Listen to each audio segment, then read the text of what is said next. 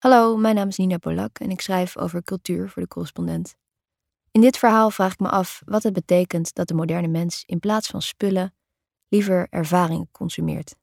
Wat streven we na met die ervaringen? En zijn we in dit moderne leven eigenlijk nog wel iets anders dan strevende consumenten? Dit verhaal is een bewerking van mijn hoofdstuk uit het boek Dit was het nieuws niet. Dat is uitgegeven door de correspondent. Eens in de zoveel tijd brengt een iPhone-update een nieuwe, nutteloze functie met zich mee, die het onheimisch gevoel geeft dat je met één voet in de toekomst staat. Bewegende live-foto's bijvoorbeeld, waarvan ik altijd zeker heb geweten dat ze geïnspireerd zijn op de levende foto's uit Harry Potter. Of, even spookachtig, die tijdlijn van minuscule fotootjes onderin je foto-app, waarvan ik laatst pas ontdekte dat een swiper doorheen je complete fotobibliotheek voorbij laat schieten. Schokkerig, als een ouderwetse animatie. Zo ongeveer moet het eruit zien als je leven aan je voorbij flitst, zoals overlevers van een bijna doodervaring dat wel eens beschrijven. Je herinneringen samengeperst tot een vliegensvlugge trip door de tijd. Dit is mijn leven, denk ik. Als een fractie van een seconde een etentje van laatst verschijnt. De nazomer in Valencia, een tentoonstelling in Arnhem, de wintersport, een lekke autoband, een nacht in een dampige kroeg. Waar was dat in godsnaam? Passage uit een boek, iemands baby, de hond van mijn moeder, een concert met mijn geliefde, nog een baby, een festival, een insectenbeet op mijn arm. We see our lives as a collection of experiences, schrijft de Amerikaanse cultuurcriticus Mark Grive in zijn essayboek Against Everything. De dag dat ik die mensen ontmoette op het feest. De avond dat ik ontmaagd werd. Het gevoel dat ik had toen ik Parijs bezocht. Die ervaringen zijn als souvenirs die je kunt vastpakken en bekijken. Je plaatst ze op een plank en haalt ze eraf om je erover te verwonderen. Ze komen met verhalen die concurreren met verhalen van anderen. We worden levenslange verzamelaars en tellen onze gefixeerde aandenkens. De altijd en voor iedereen beschikbare fotofeed is misschien wel de beste belichaming van die collectie met ervaringen. Het was een van de beelden die me voor de geest stonden toen ik begon aan een serie stukken over het moderne leven. Ervaring is een sleutelwoord, vermoedde ik afgaande op een mail van onze uitgever, die voor zijn verjaardag eens niet om spullen vroeg, maar om ervaringen.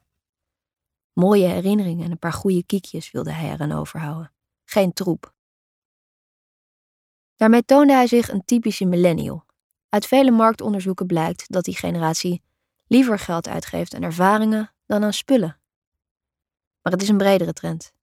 Al in 1998 munten auteurs B. Joseph Pine en James H. Gilmore de term experience economy in hun gelijknamige marketingbestseller. Daarin betogen ze dat bedrijven hun klanten vooral memorabele ervaringen moeten bieden. Herinneringen zelf worden het product. Het zijn ervaringen dus die het leven scheppen van de moderne mens. Dat wil zeggen, pakweg de westerse middenklasse. Welke ervaringen dan? Dat werd de hoofdvraag van mijn serie. Ik maakte een lijst met typisch hedendaagse ervaringen opvallend vaak vielen die samen met de grote bedrijven die ze aanbieden. Het werd duidelijk dat het, wanneer ik het heb over de moderne mens, voor een belangrijk deel gaat over de moderne consument. Veel onderwerpen uit deze serie hebben te maken met nieuwe manieren van consumeren. Airbnb creëert een nieuwe manier van reizen waarbij unieke, authentieke ervaringen centraal staan. Netflix en vergelijkbare services vervangen je fysieke mediacollecties in ruil voor altijd beschikbaar entertainment, en het alomtegenwoordige festival is misschien wel het ultieme voorbeeld van hedendaagse non-materiële consumptie. Je gaat er naartoe, geeft in korte tijd veel geld uit en keert terug met alleen je herinneringen. De stukken die ik schreef draaien om die ervaringen zelf. Hoe voelt het om te Netflix tot je geen gevoel meer hebt in je billen? Wat is daar aantrekkelijk aan? Wat zoeken we op festivals behalve goede muziek en een waterig bier? Hoe transformeert Airbnb ons van schaapachtige toeristen tot avontuurlijke reizigers. Onderbelicht blijft het voor de hand liggende aspect dat deze onderwerpen met elkaar delen. Het zijn ervaringen, geen spullen. Wat betekent het dat de moderne consument de focus verlegt van tastbare bezittingen naar tijdelijke belevenissen? Maakt dat hem een betere, bewustere consument? Of gaan er ook problemen gepaard met deze ontwikkeling?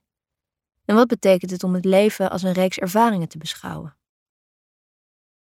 In een staat van door het nieuws gewekte mismoedigheid liep ik enige tijd geleden tegen het boekje How to Reform Capitalism aan. Het is een uitgave van The School of Life, die in een luttele 107 pagina's mijn mismoedigheid belooft weg te nemen met suggesties voor een nieuw, beter kapitalisme. Op die herkenbare, droge Britse toon van filosoof Alain de Botton duidt het essay in enkele pagina's de wordingsgeschiedenis van de consumptiemaatschappij. Die slaagt er goed in om op gigantische schaal te voorzien in behoeften uit de lagere regionen van de behoeftepiramide van Maslow, maar laat de consument onvervuld en ongelukkig achter. Een toekomstig, beter kapitalisme, zo laat het pleidooi, is niet per se een vernietigd kapitalisme, maar een kapitalisme dat met succes voorziet in hogere behoeften. Creativiteit, openheid, acceptatie en niet te vergeten moraliteit. Samengevat in Maslow's termen, in de piek van de piramide draait het niet om primitieve driften, niet om status, maar om zelfontplooiing. Het is een optimistische analyse die tegelijkertijd nogal achter de feiten aanloopt. Beschouw je de onderwerpen die ik besprak, dan kun je concluderen dat het idee van de Boton al lang heeft postgevat. Talloze moderne consumptieproducten en ervaringen zijn gericht op zelfontplooiing. Op mijn bescheiden lijstje alleen al wemelt het van de nobele intenties. Airbnb spreekt het streven aan om kennis te maken met andere culturen, kleinschalig te reizen, een deel uit te maken van een deeleconomie. Festivals appelleren, zo schreef ik, aan een tegencultureel sentiment. Ze roepen een revolutionaire energie op en geven een gevoel van saamhorigheid, vrijheid en creativiteit.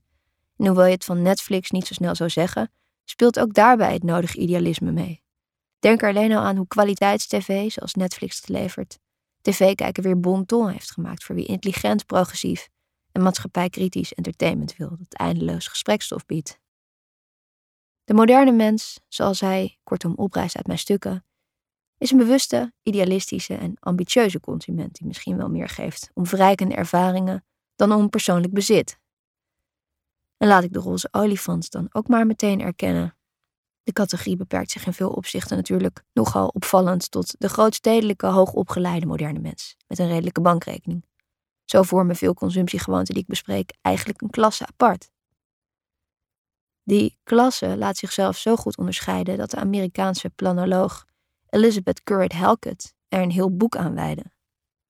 The Sum of Small Things uit 2017 beschrijft de opkomst van de aspirational class, de strevende klasse, een nieuwe elite die niet zozeer meer gedefinieerd wordt door inkomen, maar door cultureel kapitaal. De schrijfster gaat na wat er veranderd is sinds de klassieker Theory of the Leisure Class uit 1899, waarin de econoom Thorstein Veblen de nutteloze, op status gerichte consumptiegewoonten van de hogere klasse beschreef. Denk aan wandelstokken, zilveren lepeltjes, belachelijke hoeden, dikke auto's. Deze opvallende consumptie, conspicuous consumption, zoals Veblen noemde, werd met de komst van de consumptiemaatschappij ook beschikbaar voor een groeiende middenklasse, waardoor het als statussymbool aan waarde inboette. De elite, zo betoogt Kurt Helkett, heeft zich in de loop van de tijd dus tot andere dingen moeten wenden om zich te onderscheiden. Geen opzichtig materialisme meer, maar subtielere uitgaven en gedragingen, die kennis en waarde uitstralen. De strevende klasse hecht waarde aan ideeën, schrijft Kurt Helkett, cultureel en maatschappelijk bewustzijn en het vergaren van kennis, om geïnformeerde keuzes te kunnen maken over alles, van hun carrière tot het specifieke soort gesneden brood dat ze bij de bakker kopen. Ook in deze analyse ligt de nadruk op immateriële verwervingen, onopvallende consumptie. De strevende klasse eet biologische kip, drinkt amandelmelk, leest de New Yorker, kijkt naar kwaliteitsseries op tv, verrijkt zichzelf en zijn bilpartij met yoga, draagt sociaal bewust geproduceerde ecologisch katoenen kleren en geeft veel geld uit aan reizen, onderwijs en zorg. Alle clichés op een stokje en toch een zeer herkenbaar beeld, ook buiten de Verenigde Staten. Kurt Helkett schrijft: wie tot deze nieuwe culturele en sociale groep behoren, streven ernaar om hun versie van betere mensen te zijn, in alle aspecten van hun leven, waarbij hun economische positie minder op de voorgrond treedt.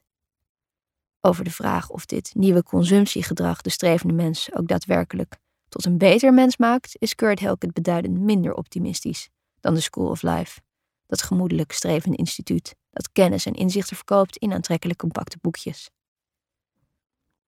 De leden van de strevende klasse, schrijft ze, zijn niet de boeven van Wall Street, niet de Russische oligarchen die Londen en Manhattan opkopen. Ze zijn geen plutocraten in privéjets. Ze verdienen lang niet allemaal extreem veel geld, maar ze zijn opgeleid, hechten de grootste waarde aan kennis en vertonen consumptiegedrag dat deze waarde cultureel kapitaal moet uitstralen. En toch, gaat ze verder, maken deze positieve eigenschappen de strevende klasse misschien wel gevaarlijker dan de superrijken. Die worden verguisd in de media. Er zijn maar weinig miljardairs en olietitanen, maar de strevende klasse is gigantisch en machtig. Boven alles bestendigen ze met hun subtiele en onzichtbare keuzes het socioculturele privilege van zichzelf en hun kinderen, terwijl ze anderen uitsluiten. De zelfvoldaanheid van die keuzes en het idee dat ze hun sociale positie zelf verdiend hebben, stelt de strevende klasse in staat om de groeiende ongelijkheid om zich heen te negeren. De strevende klasse is dus een zichzelf in stand houdend complex van privileges, zo luidt het harde oordeel van de auteur, die de ongelijkheid alleen maar vergroot. De bewuste, idealistische consumptiegewoontes, waarvoor je al een geprivilegeerde positie moet hebben om er toegang tot te krijgen, die komen, net als culturele en maatschappelijke geletterdheid, vooral naar voren als nieuwe statussymbolen. Je hoeft Rutger Bregman kortom niet gelezen te hebben als je bij de gin tonics maar kunt reproduceren dat hij voor het basisinkomen pleit en dat je het daarmee eens bent. Is al dat nobele streven dan gebakken lucht? Niet helemaal, schrijft Kurt Helkett. De invloed van de geïnformeerde strevende klas heeft zich wel degelijk vertaald in een aantal belangrijke bewegingen. Die laten je geloven dat het kapitalisme niet ten dode opgeschreven is. Zo noemt ze de Not Made in China movement, die de gevolgen van globalisering in de mode-industrie wil ombuigen en inzet op ethisch en lokaal geproduceerde kleding, waar steeds meer vraag naar is. Ook die elitaire waarden vinden uiteindelijk hun weg naar de massa dus wel, wil de schrijfster zeggen. Maar feit blijft dat status en maatschappelijke positie, zo laat dit boek pijnlijk zien, een grotere rol spelen bij de keuzes die we maken dan de idealistische consument zichzelf voorhoudt. In het licht van kapitaal, zij het cultureel kapitaal, krijgt het begrip ervaring ook een andere betekenis. Het draait niet om ervaringen voor de ervaring zelf, maar om ervaring als iets wat zich laat stapelen, zoals Dagobert Duck zijn muntjes stapelt. Ervaring is ook kennis, educatie, levenservaring, wijsheid misschien zelfs. Dat waar je iets aan hebt in dit nog altijd door en door gekwantificeerde leven. Ook naar ervaring moet dus gestreefd worden, hoe tegenstrijdig dat ook klinkt. De bedrijven waarover ik schreef helpen dat streven te cultiveren. Ze bieden steeds authentiekere, intensere, spontane ervaringen. Die hoef je niet te overkomen, je kunt ze gewoon kopen en ze vervolgens tentoonstellen op Instagram. Dat streven naar ervaringen levert ook levensbeschouwelijke problemen op, meent cultuurcriticus Mark Grive. Het geeft ons het gevoel dat we echt leven, maar maakt ons tegelijkertijd voortdurend ontevreden. Wanneer we even niet ervaren, leven we niet. Kijken naar de begeerlijk tentoongestelde ervaringscollecties van anderen boezemt ons een aanhoudend FOMO in. Fear of missing out. Alle tijd die je niet spendeert aan verrijkende en nuttige ervaringen is in zo'n visie verspilde tijd. Terwijl je je plank vult met trofeeën, schrijft Grive met gevoel voor dramatiek, voel je je ware armoede. Je stapelt ervaringen en komt tot de onvermijdelijke conclusie dat het niet genoeg is en nooit genoeg zal zijn. Je blijft hangen in het fotoalbum van het verleden, met een ontevreden gevoel. Je bent als de reiziger, net terug van zijn reis, die zich afvraagt: waarom heb ik niet meer foto's genomen? Maar er zijn oplossingen voor deze catch-22, denkt Grive, waardoor je dit idee van ervaring niet eens hoeft te verwerpen.